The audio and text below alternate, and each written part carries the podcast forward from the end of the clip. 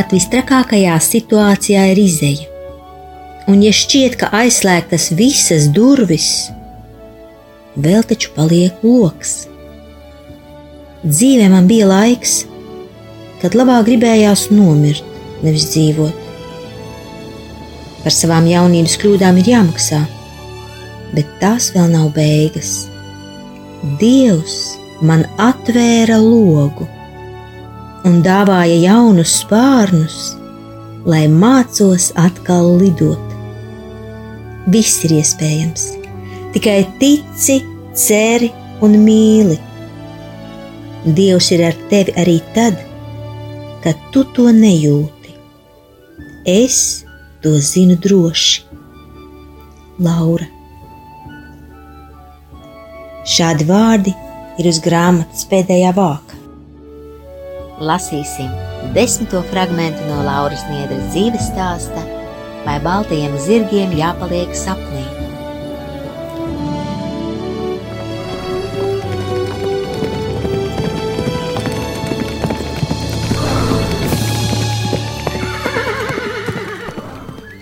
Ir pagājuši Ziemassvētki, un ir noticis brīnums. Beidzot ir atgriezies Gatis. Viņš gan nav visai labā omā, jo lietas nav kārtojušās tā, kā viņš bija plānojis. Par aizlienēto naudu Gatis pat nepiemin, un Laura arī ne, jo iztikt jau var. Viņa jūtas nedaudz atsvešinājusies no vīra, jo ir tik daudz jaunu pienākumu un rūpju, un galvenais jau mazulis.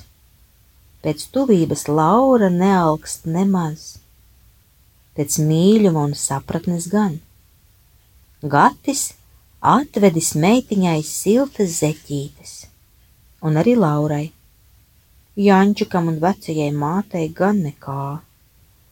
Tas Laurai šķietā nedaudz jocīgi un skumīgi, un naudas ar negraša, ko ģimenei iedot. Bet visādi jau gadās, Laura nesaka neko. Viņa jau ir pieradusi visu sagādāt pati, gultiņu, sēdziņu, ratiņus, drēbītes, ko atdod draugi, ko nopērk pati palēto. Mazulim ir viss nepieciešamais. Līdz ar gata atgriešanos Laurai šķiet, ka dzīvot kļuvis grūtāk. Viņš nav radis rēķināties ar citu vajadzībām, nav radis mājās neko darīt, neko palīdzēt Gatis mostas agri un darbojas skaļi, bez sirdsapziņas pārmetumiem ieslēdz gaismu, kad Laura vēl jūtas pavisam miegaini pēc saraustītās nakts. Pie raudoša bērna Gatis neceļas, varbūt nedzird, jo viņam ir lāča miegs. Reiz Laura izteica domu, ka Gatis varētu vismaz novannot meitiņu, bet saņem dīvainu atbildi. Puiku es varu vannot, bet ne jau meiteni. Gatim vēlu vakaros patīk skatīties video. Tās Laurai izvēršas par neizsakāmām ciešanām, jo mazulītis un viņa guļ tajā pašā istabā, kur katru vakaru auro bojeviki. Lauras spēki izsīkst ar katru kopā pavadīto dienu. Viens vakars Lauru novad pat līdz izmisumam.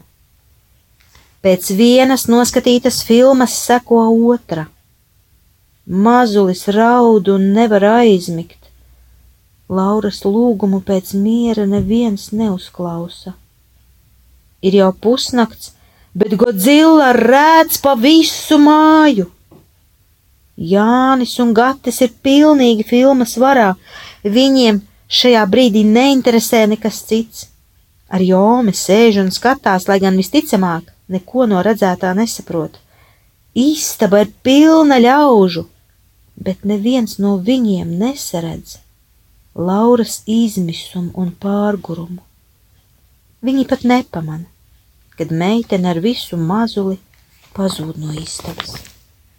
Jo Godzilla taču aurodams bradā pa mājām, un tas ir tik aizraujoši. Laura sēž virtuvē viena un tumsā. Viņa cenšas dungot mazulim kādu miega dziesmiņu, bet kaklā iestrēgst rūkts kamols, un dziesma apklust. Laura nori asaras un klusēdama turpina aijāt mazo ratiņos. Pašai acis krīt ciet, un sirdī tāda nekad nebijusi nepatīkama tirpstoša sajūta. Otrā rītā meitene ir kauns par savu vājumu.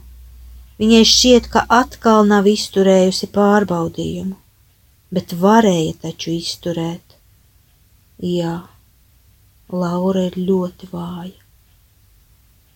Gatis atkal pošas uz Krieviju. Viņš jautā, vai Laura iztiks, ja viņš neatstās nekādu naudu. Ar naudām esot galīgi švaki. Meitenei tas šķiet pats par sevi saprotams, ka viņa spēs parūpēties par savu mazuli un Jančuku. Kā tad savādāk? Viņa nekad nav plānojusi būt kādam uz kakla, un tā nu Gatis atkal aizbrauc uz nenoteiktu laiku. Mājās iestājas miers un ierastais dienu ritējums. Laura atgūst spēkus.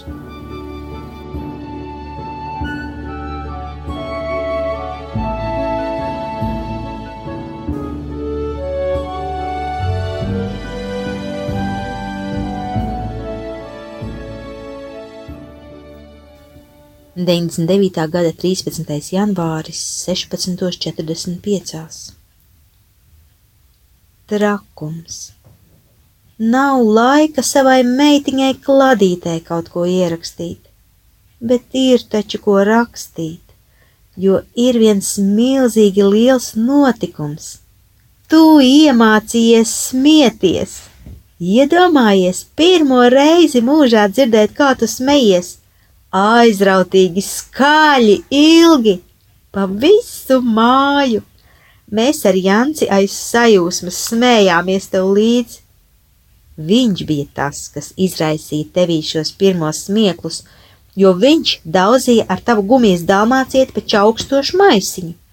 Kā tik pasit, tā tu smejies, un kā tu smejies, tā mēs arī. Tas notika piekdien, 9. janvārī, tavu smieklu dzimšanas dienu. Vēl kaut kas jauns. 8. janvārī tu pirmo reizi nogaršoji banānu. Tev ārkārtīgi garšoja, un mēs ar Jāni smējāmies kā traki par tavu rīšanu. Likās, ka tu pat karoti norīsies sajūsmas, varbūt arī no priekiem par daudz iebarojām, jo nākošajās dienās tev sasāpējās vēders. Tu daudz raudāji, slikti gulēji un ēdi, ļoti, ļoti briesmīgi slikti. Bet vispār, vērot tevi zīšanas laikā, ir milzīga bauda. Man nekad neapnīk tevi vērot. Jāatskatās visam mūžam, cik tad nu ilgi tu vēl zīdīsi. 99. gada 20. janvāris.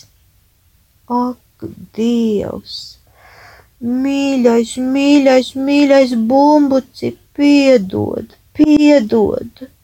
Ar tevi tikko notika tādas šausmas.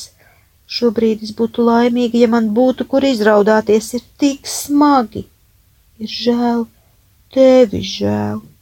Tu ar lielu blīkšķi novēlies no gultas uz grīdas. Drausmīgi, ar galviņu pret grīdu, ar mazo, mazo galviņu. Piedod, piedod. Tu raudāji, briesmīgi raudāji, vairāk kā no potes. Es tevi žēloju, man pašai gribējās raudāt. Tu nomierinājies, bet izskatījies tik skumīga tik ļoti, ļoti skumīga. Pieglaudi man galviņu un bēdīgi skatījies tālumā. Mēģināju tevi uz brītiņu nolikt, bet tu vārgi un lūdzoši ieraudājies, tad atkal sāki brēkt. Šobrīd tu saldi čuči ratiņos, kaut nu tev nekas nenotiktu. Mīļā, mīļā mazā galviņa, piedod. 99. gada 4. februāris. Tu manu mazo varonīti, kāds tu esi malacīts, Elžuk. Vakar mēs ar dārtu tevi vedām uz traku procedūru, tev ņēma no pirkstiņa asinis, Es tik ļoti baidījos, pat jau domās dzirdēju, kā tu raudi. Čiks! Duriens pirkstiņā. Ārste tik mīlīgi runājas, rāda visādas pudelītes, tev acis platas, asaru nav. Tad sākās pirkstiņa spiešanas process. Tas ir tik nejauks, bet tu neizdvesi nevienu kungstienu. Ārste tevi uzslavēja, teica, paaugsies, nāc ciemos. Iznācām no kabineta abas ar dārtu nosvīdušas, bet tu smaidi. Zini, tev ir vesela kaudze jaunu mīļvārdiņu. Nezinu, kur tie rodas. Vienkārši paskatos uz tevi un saku kika, vai arī kikucis plikucis pārģērbjot, vai kuka, vai kukucis. Un zini, Elžuk, es tevi pēdējā laikā turu uz grīdas Pietiek ar to tavu krišanu no gultas. Redeļu gultiņā man tevi nepatīk likt, jo tev parasti kāja iesprūst starp redelēm, un tad tu čingsti. Arī pamperus es tev pa dienu vairs nelieku. Taupu tavu dibentiņu un savu maciņu. Nu, beidzot ir atgriezies gatis ar šokolādes konfekšu kasti. Bērniem gan šoreiz nekā, pat ne zeķīšu pāra. Un nauda jau arī tikai savām vajadzībām. Vajagot mašīnai jaunas detaļas un tās tik dārgas, citādi palikšot kaut kur pusceļā. Tagad esot grūti laiki. Neveicas tā, kā gribētos. Būšot nopietnāk jāpiedomā par darbu kaut kur Eiropā.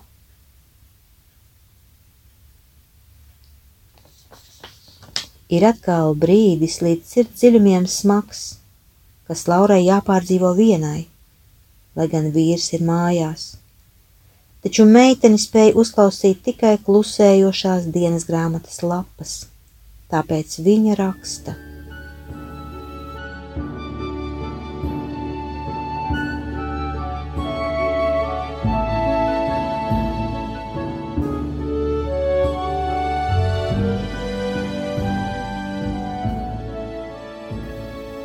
99. gada 28. februāris.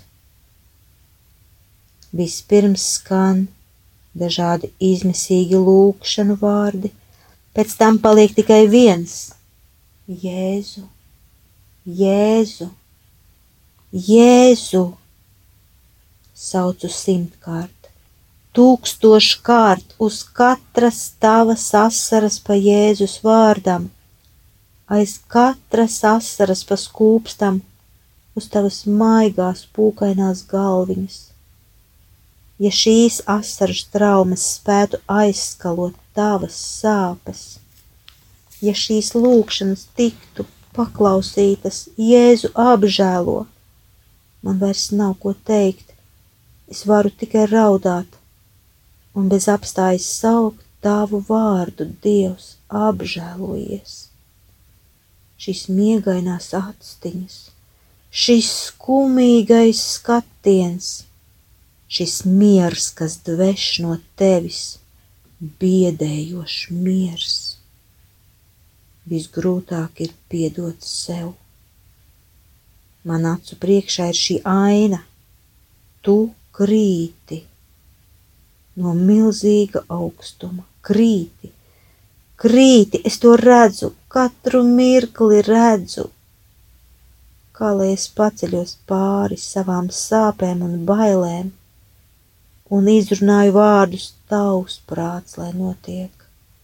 Es tikai baidos, es nespēju. Manī ir tikai trīcošas bailes un viens vārds - Jēzu. 99. gada 16. marts. Lai gan reizēm vēl acu priekšā redzu šo drausmīgo ainu, kurā tu krīti, taču nekas cits vairs īpaši neatgādina to dienu. Vienīgi šķiet, ka tu tagad vairāk gribi gulēt. Ai, es tomēr ceru, ka viss būs kārtībā. Ārstiem joprojām nepatīk, ka tu tik maz pieņemies svarā. Zini, tu tur sarīkoji lielu trādrīdi, jo tev tagad ir bail no svešiem cilvēkiem. Pirmo reizi mēs to konstatējām 6. martā, kad ciemos bija atbraucis mans tētis. Kā tu viņu ieraudzīji, tās sāki raudāt, un cik smieklīgs ir tavs šķībais, neusticības pilnais skatiens un izstieptā lūpa. Tagad tu dragā pa istabu kā motorlaiva pēzeru Nevarētu gan teikt, ka tā ir rāpošana, bet tu dažās sekundēs tiec klāt jebkurai lietai, kas tevi interesē un atrodas tuvu grīdai. Visvairāk tev kārojas sagrābt kādu avīzi, grāmatu vai čību. Jā, jā, čību! Nezinu, kas tev ir, bet tu esi kā traka uz čībām. Mēs tevi apcietinājām. 9. martā nopirkām tev sētiņu un ietupinājām tevi aiz restēm. Pirmajās dienās tu sevišķi neko neteici, bet tagad jau tu izjūti, ka tas tomēr ir cietums, ka tu netiec tur, kur sirds kāro. Nu, ko lai dara? Dažas dienas pirms sešu mēnešu jubilejas tu pirmo reizi sēdēji bez citu palīdzības, kājas izplētusi kā vārna, un rokas atbalstījusi pret grīdu starp kājām. Tagad jau tu kādu brīdi vari nosēdēt diezgan cilvēcīgā pozā.